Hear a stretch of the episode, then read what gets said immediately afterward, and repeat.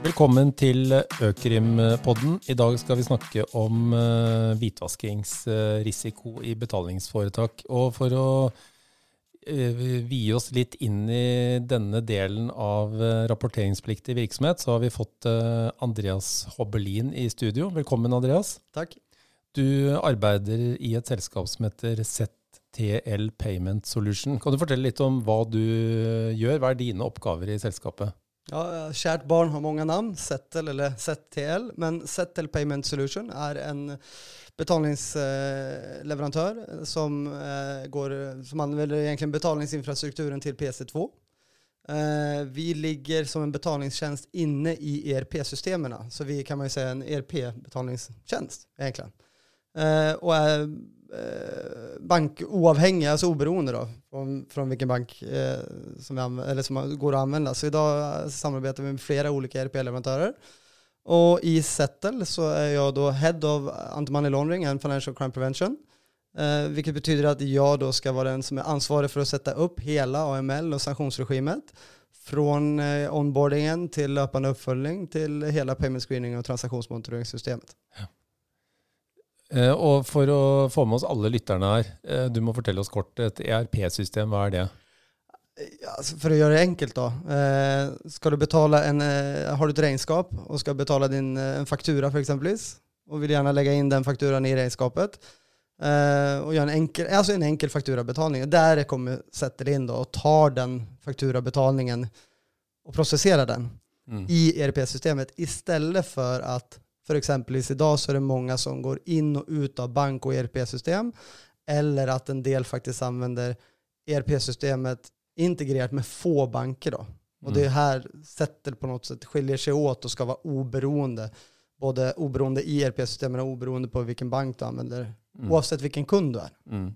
Så, men, men, vi eh, har då B2B payments. Vi är då företags, bara företagskunder. Ja, det är ingen privata kunder? Inga privata kunder, men man kan göra, ett företag kan ju alltid göra eh, B2, eller B2P payments, då, person, äh, ja. business to person payments ja. kan de ja. göra som lönsbetalningar för exempel. Okej. Okay. Og de betalingstjenestene som dere tilbyr, er jo det vi tradisjonelt forbinder med banktjenester. Eh, og det er jo en hel skog av aktører i dette markedet som er i ferd med å utvikle nye teknologiske løsninger og nye tjenester. Og én ting som eh, vi har eh, lagt merke til, er at eh, nasjonal risikovurdering, altså denne såkalte NRA-en, som kommer hvert år, og som kommer fra denne EU supranasjonale risikovurderingen, den handler jo også om betalingstjenester på den måten at uh, man snakker om risiko knyttet til uh, hvitvasking for uh, nye tekniske løsninger. Og man snakker om risiko for hvitvasking knyttet til nye betalingstjenester. Og det er jo noe av grunnen til at vi har bedt deg å, å komme hit og dele litt sånn kunnskap om det. For hva er egentlig risikoen knyttet til nye betalingstjenester, sånn som du vurderer det? Altså, de senaste åren så har jag jobbat i Baltikum och, och för att ta ett exempel då, i, i, Litauen så har man ju, Litauen har varit ett av de mest cashintensiva länderna i, i Europa och det cash, mest cashintensiva landet i, i, i, Baltikum. Och de är nu, eh, vad ska man säga, de gör reklam nu eller promoterar sig själv som en fintech-hub. Och, och, i tillägg så har de då ett, ett eh, eh, alltså verklig huvudmansregister eller UBO-register som inte existerar. Otroligt dålig ägarskapsdata på, på företag i Litauen. De är lite där, alltså, ja, nej, de, de, är väldigt långt bak och det saknas i, i stort sett. Till skillnad mot Estland och Lettland som faktiskt har ganska bra data på ägarskap. Så vad betyder det egentligen det här? Jo, om man ska ta det här som ett exempel då med Litauen. Man, by, man, man etablerar då flera hundra fintechbolag Eh, myndigheterna är pro till det här. Eh, man går från cash till elektroniska pengar. Eh, företag, eller personerna och företagen som är bak de här fintechs vet man inte helt vilka det är. Inte, in, inte in, the, in the long run. Man vet ju vilka som är registrerade på pappret men det är inte säkert att det är dem. Till skillnad mot om vi tar oss då, i, i, säg så här, risken för en fintech i Baltikum och det jag såg när jag jobbade i Baltikum var ju att en del av de här eh, dåliga kunderna som fanns hos stora banker eller runt om på flera stora banker, de flyttades ju sen från de stora bankerna till fintechs. Eh, och när de stora bankerna tog upp det här med de fintechs så ändrades också modus operandi. Eh, så att från att de stora bankerna kunde se i motpartsdatan, alltså transaktionsflytet då, så kunde de se i motpartsfältet att oj, där är en av våra dåliga kunder som ligger i motpartsfältet, det tycker vi inte om, så man kontaktar de här stora fintech och små fintech och säger att det här vill inte vi vill se, det får ni ta bort. Då ändrades modus operandi så att de här fintechsen packade ihop de här betalningarna. Så nu ser man ju inte längre eh, den verkliga beneficiary eller, eller sender egentligen. Så, och det är ju en risk i sig. Jag tror inte många vet om det. För många ser bara en sån transaktion. Att ja, vi ser vår företagskund och så ser vi motpartsfältet fintech. Eh, och den fintechen har en del saker i sig. Då. Det är en del bolag som du faktiskt inte ser om du inte ligger på varenda dag och frågar. Och det är ju ingen som gör det. Då. Mm. I Norge däremot så har vi ju inte, kanske, vi är ju inte en fintech-hubb i Norge. Det är lite med större utmaningar för en fintech sätt eller jobba varje dag för att liksom få, få bana mark och, och ta mark. Uh, men risken är också lite annorlunda i Norge än vad det är Baltikum. Och jag ser ju att när, när vi är nu ute och pratar och vi pratar om att vi ska bygga ett bra AML-regim och sanktionsregimer, vi pratar med deras banker, vi ställer frågor till dem. Hur är ert regim? Hur vill ni att vi ska dela information med varandra? Sån information som vi kan dela. Eller bara information, alltså knowledge sharing för exempelvis. Och då är det sällan, när jag ställer frågor till bankerna, som vi har öppen PST2 mot, då får jag sällan frågor tillbaka. Så jag tror fortfarande det är en del inte okunskap och inte ointresse, men jag tror inte man har helt fått med sig vad är det som är på väg att hända här. Mm. Och, och, för att kunna förstå den risken runt en fintech, då måste man kanske ha sett de här utländska fintecherna först för att verkligen ha attention. Och jag tror inte sett, eller går inte att jämföra, som, det går inte mm. jämföra med de här utländska så sätt. Vi, vi, vi har solida investorer bakom, bakom oss, bland annat Investinor är en av investorerna helt annat kan man säga approach till vad vi gör och en annan typ av betalningsstruktur än vad en del andra fintechs har ute i landet. Men jag tror att intresse, jag saknar intresse från branschen att komma till oss och fråga vad är det ni egentligen gör? Mm. Hur gör ni det? Och vilka risker ser ni som fintechs? För vi har ju gjort och byggt vårt AML-regim, vår risk assessment och allting mm. som en ny startup utan Alltså I starten har du inga kunder och inga transaktioner, så du bygger ju en sån guesstimate på allting. Mm. Um, men jag saknar ändå att folk kommer till oss och frågar lite. Vi har massor vi kan berätta, så jag kan mm. gå in i mer detaljer på det. Då, ja. men, du...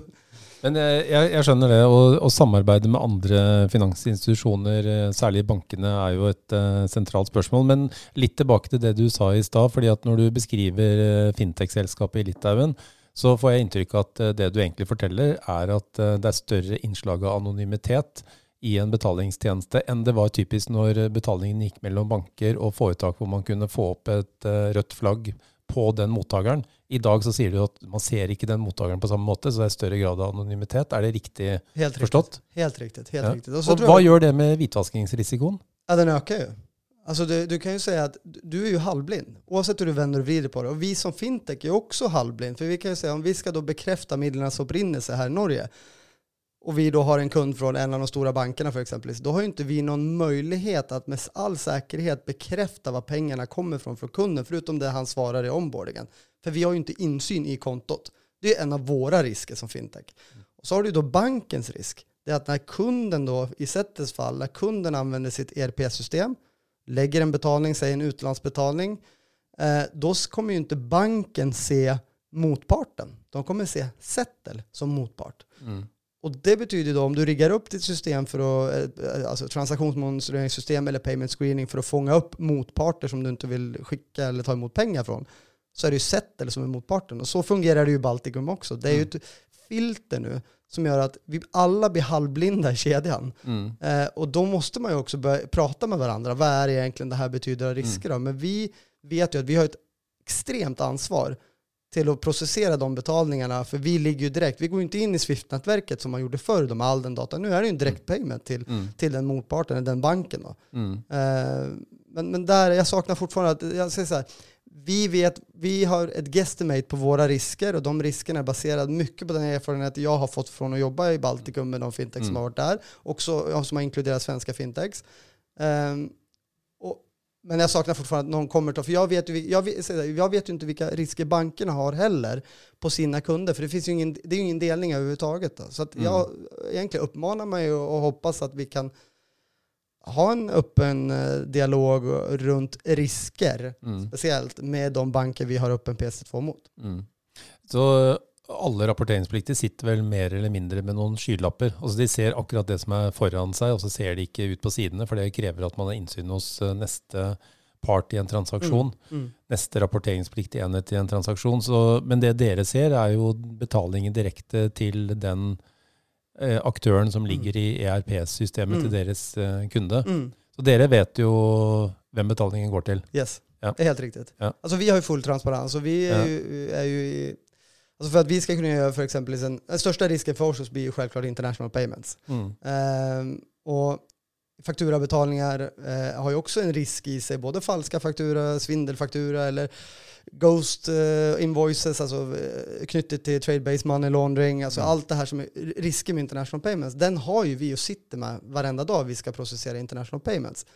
Men vi har ju byggt, eller vi har ju köpt ett system och byggt upp det systemet utefter de risker vi tror att vi ska få. Mm. Och det är inte säkert vi får dem, men vi är fortfarande igen halvblinda. Vi har riskerna mm. i motpartsfältet, det är där vi ser. Sen har vi klart att vi har ju samma förpliktelse i hänhåll till vitvaskningsloven när det gäller kundkontroll. Så vi har också en onboarding, så kunden som redan blir checkad och onboardad hos en stor bank i Norge eller liten bank i Norge, vi har ju samma sak på den också. Mm. Enda som är vår svaghet att vi har inte insyn i kontot fullt ut, precis som en bank har. Mm. Så, og det du nevner med trade-based money laundering, betyr det at dere tror at dere vil klare å se en faktura for eksempel, som skal gjøres opp, som uh, er en for, faktura som er laget fordi at man prøver å dekke over en hvitvaskingstransaksjon som er underliggende under den fakturaen? Ja, ska helt ärligt så tror jag faktiskt att fakturabetalning i sig själv, så länge man följer i, alltså så länge ERP-partnerna, all den transaktionsdata som ligger där, så länge den följer ISO 222-standarden, då har man massa information som man kan använda. Tyvärr är ju inte verkligheten sån idag. Mm. Eh, även om det är krav i EU och det kommer säkert bli en samma standard internationellt, så, så när vi är helt uppe och står på ISO 222, då, tror jag, då kommer vi få ganska mycket möjligheter till att avdäcka en del av de riskerna. Men jag kan säga att idag att det är inte lätt att avslöja falska fakturor i en betalningsström, mm. för vi är igen beroende av ERP-leverantören mm. för att vi ska göra en god jobb. Så vi måste på något sätt tweaka och göra det vi... Eh, för att göra ett enkelt, eh, eh, säg så här, du har en norskt företag som processerar en vanlig faktura, eller en norskt företag som är liksom gråföretag, de vill ha vitt och lite svart för att det ska se bra ut. Mm. Och då är det klart att omsätter du då för en betydlig summa som ett vanligt norskt företag så vill du vara in, du vill ha ett ERP-system, du vill ju visa och du processerar och lägger upp betalningar och fakturer. Revisorn gör kanske inte några jättekritiska kontroller till de fakturorna för han ser ju att det går pengar och liksom, ja, så mm. man, vill, man vill ha in det här i systemet. Men har, för oss då, då kan ju vi se, vi har ju lagt in en del riskindikatorer och scenarios i motpartsfältet, vilket betyder att om för exempel en kund av oss utför en betalning till ett typiskt skalbolag. Säg för exempel i UK så har de här LLP-företagen då, som mm. har varit mycket med nu i förbindelse med lånrummet och allting. Så vi har lagt in en indikator på LLP, LP, L.P, mm. etc. Och då kan ju folk tänka, oh, herregud det där måste vara idiotiskt för du kommer ju få så många falska träff. Ja, både och då. Vi, det är ju ganska snabbt att, att reda ut en sån träff Mm. För får du en träff på en LLP då och går in och säger ja men okej det här är ett vanligt LLP till en advokatfirma, det är ju typ vanligt att mm. många eh, men samtidigt ser du kanske, okej okay, här ligger ett annat LLP som inte alls ser ut att vara en advokat, så går du in och tittar och UK Registry är ju öppet och enkelt att gå in och titta så ser du ju snabbt om det är typ ett skalbolagsindikatorer i den.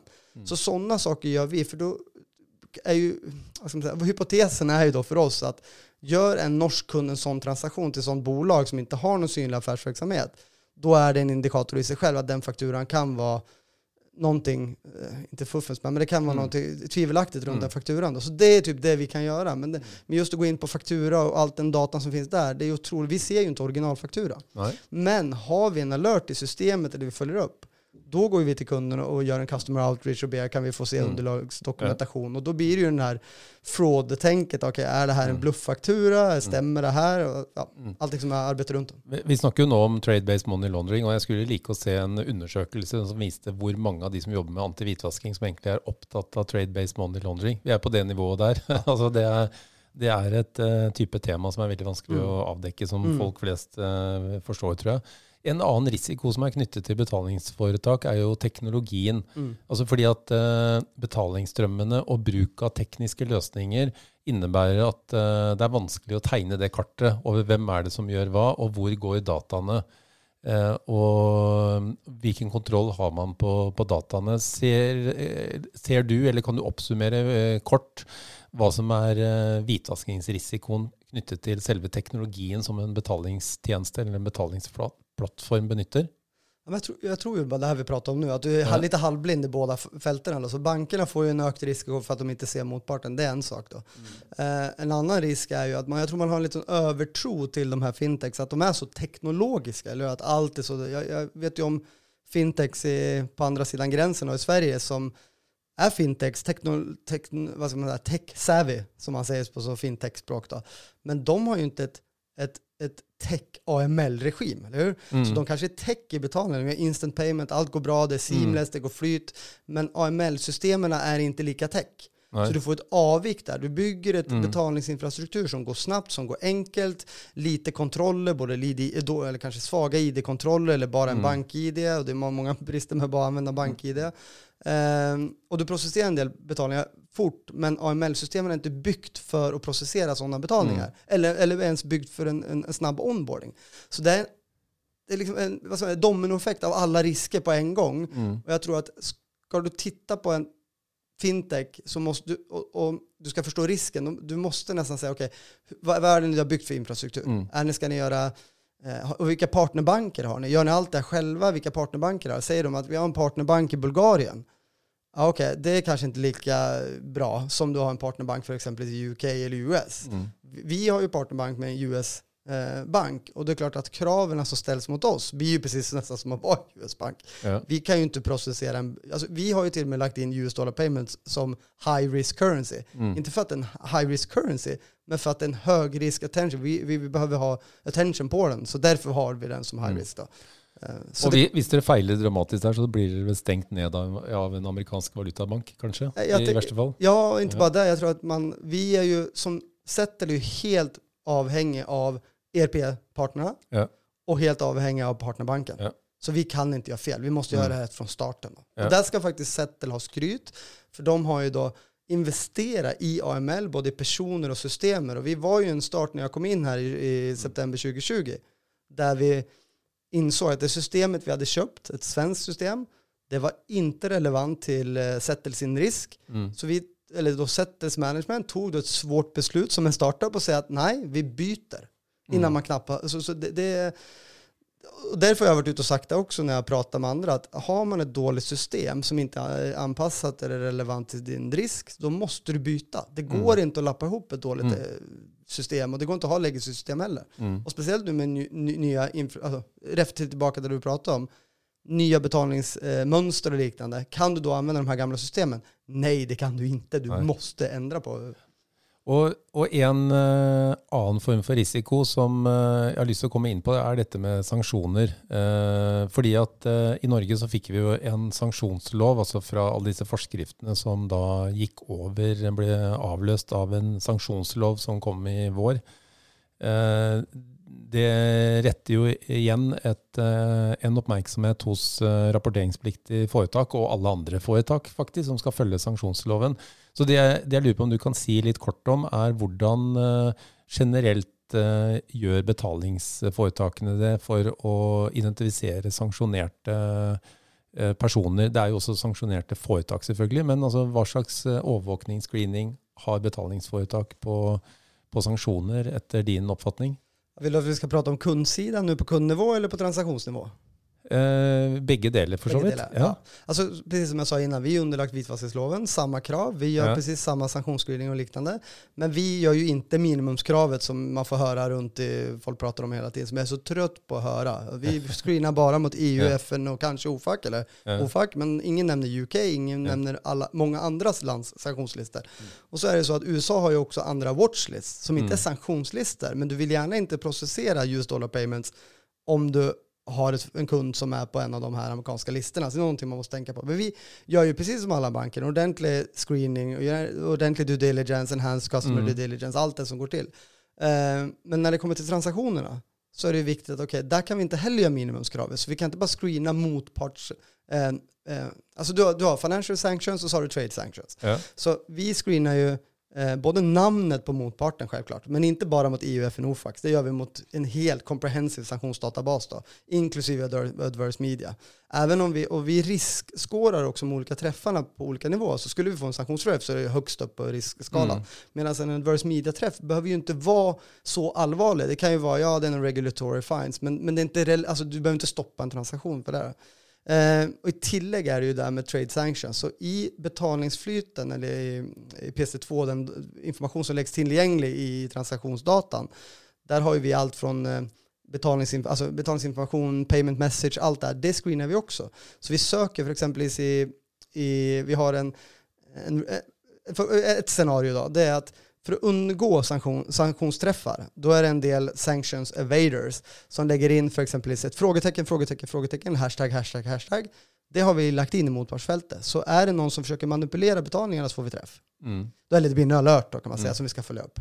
Uh, vi har lagt in eh, alla free trade zoner. Alltså free trade är ju mm. känt, både trade-based money laundering mm. och sanctions evasion som, mm. som destinationerna man kan, där man använder då för att göra det här, trade-based money laundering och sanctions evasion. Så då har vi lagt in det i, i systemet som gör att om en av kunderna gör transaktioner till ett företag som är registrerat på de adresserna så får också en alert. Mm. Så vi försöker hela tiden tänka proaktivt. Och så är det ju det här med alla, alla leaks. Eller hur? Du har offshore leaks, Paradise Papers, Panama Papers och nu senast då Pandora Papers.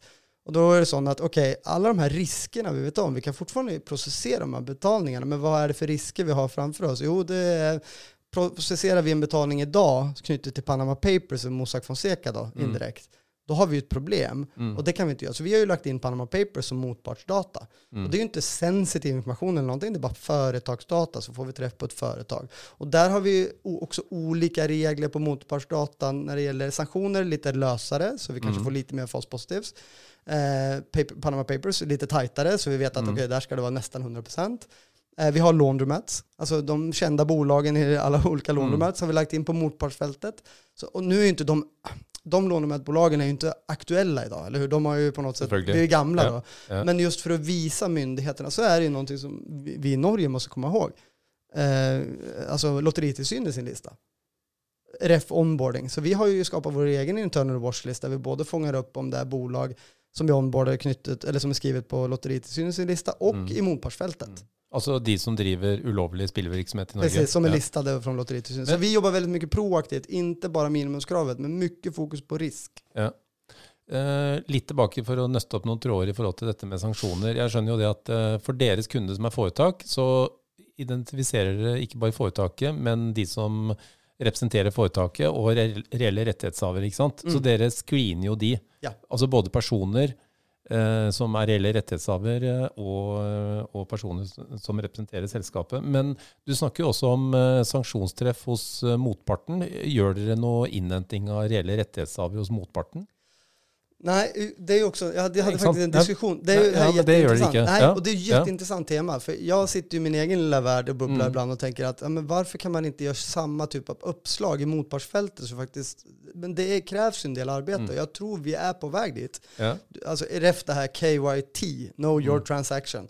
Du kom, vi kommer komma i det. Att du faktiskt, mm. när du gör en transaktion så måste du göra ett snabbt uppslag av motpartsfältet bara för att mm. checka. Det blir som mm. dubbel, dubbelkontroll kan man säga. Men så fort vi får en träff eller så fort vi har det är ju så här, i vårt system idag så riskratas varje transaktion mm. från 1 till 5 då. Ja. Um, och i varje transaktion så är det olika riskregler som, eller mm. scenarier och indikatorer som mm. har slagit in.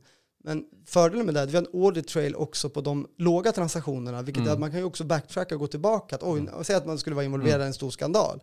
Då kan man ju visa myndigheterna att ja, men vi hade ju det här eh, setup, eller setupen och det klarar vi inte att få mm. träff på. Men vi hade i alla fall någonting och vi kan visa myndigheterna att den var så låg risk, alltså vi hade ändå aldrig kunnat få upp den träffen. Mm. Men i den så är den viktig för att om vi får träff idag och går in på en med, med bara, vi jobbar ju inte bara med högriskträffarna, vi tittar mm. ju också på medelrisk och lågrisk för att se att mm. det faktiskt systemet fungerar. Men det är klart, att gå in och se, det gör vi ju alltid för motparten. Vi checkar ju, vi går inte in och bara tittar. Ja, det var en transaktion till Cypern, kunden mm. har sagt att han ska göra transaktion till mm. Cypern, det är okej. Okay. Nej, vi går och tittar. Är det synlig affärsverksamhet? Ja, nej. Nej, det är det inte. Okej. Okay.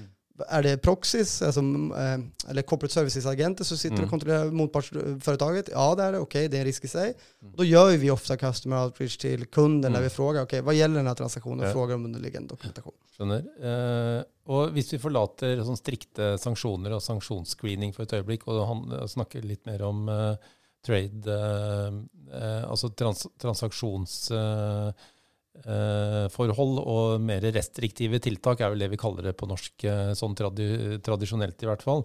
Altså F.eks. spørsmålet om går betalingen fra dere, fra deres kunde i ERP-systemet, eh, til en motpart som faktisk er involvert i handel med kull fra Nord-Korea, som skipes om til skip i i havet, i rom, sjø, og tas imot av en motpart som er involvert i den type transaksjoner. Og da snakker vi om uh, handelsrestriksjoner og restriktive mm. tiltak. Er det noe et betalingsforetak i det hele tatt uh, bryr seg om å se etter, og har noe sjanse til å, å, kunne se etter? Alltså bryr sig, absolut. Alltså, vi, ja, vi, alltså, jag, bara, jag bara spör. alltså, vi, vi, jag, tror, jag tror, ska jag vara helt ärlig, nu ska jag inte skryta ja. upp oss själva och mig själv på något sätt, men, men vi gör förmodligen mer än många andra, för vi fokuserar väldigt mycket på risken och absolut inte minimumskravet så sätt.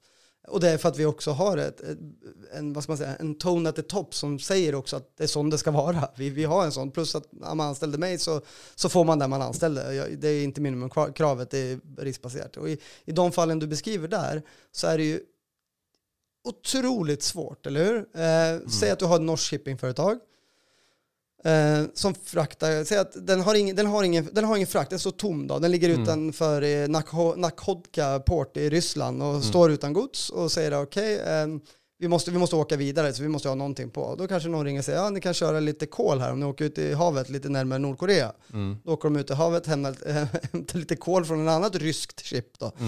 Eh, och den är kanske nordkoreansk kol som kanske har varit inom rysk hamn och blivit omgjort till eh, low-branded rysk kol och så mm. ligger det på en norsk chip och så kör man vidare. Mm. Alltså, men det är ju nästintill omöjligt för oss att fånga upp idag. Vi önskar, eller vi önskar ha fokus på sådana saker och hellre ha fokus på den typ av transaktioner och det efterarbete som krävs alltså från ett investigation-syfte eh, än att släcka false positives. Så därför mm. var också det här med att välja system är viktigt i form av Alltså vilken typ av intelligens har systemet för att göra att du får fokusera på rätt sak. Ja, så det betyder att du går inte in på Merlin Traffic och ser på AIS-sändningar från skip? jag gör det varje helg. Jag gör det, jag gör det flera ja. gånger i veckan. Ja. Ja, jag hoppas någon lyssnare får några idéer här, och särskilt de som jobbar mycket med shippingkunder och så vidare. Vilka möjligheter som finns där ute för att göra övervakning av Får jag bara säga en sak tilltak. till om ja. shipping som någonting ska, folk tycker jag ska komma ihåg. Det är att om ett chip står tomt, eller hur man har inget gods, säg att man står då i Kaliningrad i Ryssland. Man har, man tom frakt och man vill ju gärna ha pengar för frakt, eller hur? Då är incentiverna starkare för att vara med i Ghost Shipping. Eller hur? Trade-based money laundering och allting. Bara bluffa och ta fakturer. Så om man vet om kunder inom shipping som står tomma någonstans så är det högre risk för sanctions evasion och man är laundering för att du blir involverad. Du tar gärna en bluffkörning där, en tom, ett tom mm. chip, men eh, det går pengar emellan då. Mm. Så det är ju någonting att hålla koll på, speciellt mm. för Norge.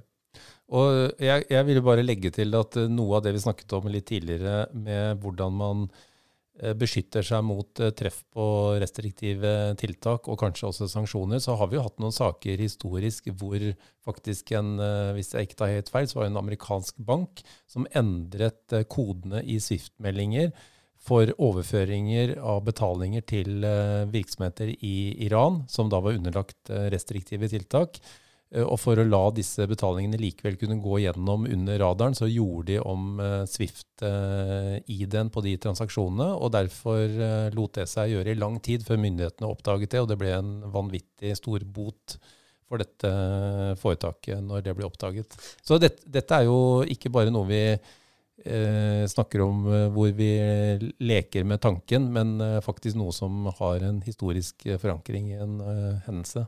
Ja, och tänk om du har för exempel, för oss då, vår risk skulle kunna vara, så hypotetiskt igen då, du har en ERP-leverantör, eller du har en regnskapsförare som sitter i ett ERP-system och bokför mm. fakturer.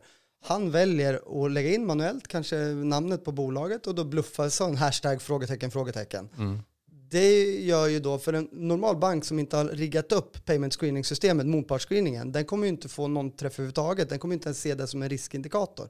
Så, så man kommer ju alltid vara utsatt för insidehot. Och det är någonting jag tror folk inte ens pratar om i branschen. Alltså mm. vilka insiders har man? Har man folk som faktiskt jobbar för någon annan? Eh, och vilka, vilka, nyckel, eh, vilka nyckelroller, vilka personer har man i nyckelroller när det gäller payment processing mm. internt? Och, och kan de vara utsatta? Mm. För det är, det är tyvärr så det man har sett också en del av de här sakerna i medialt, att det har ju varit insiders, för exempel Danske Bank-saken som var insiders bakom. Då. Eh, så det är någonting man kanske också behöver prata om i branschen, mm. hålla ögonen på. Eh, Eh, Andreas, tusen takk for at du kom eh, til oss. og Nå har vi fått høre litt om hvitvaskingsrisikoen og sanksjonsrisikoen og risikoen for restriktive tiltak og brudd med restriktive tiltak eh, for betalingsforetak. Så takk til Andreas Sobbelin fra Settle Payment.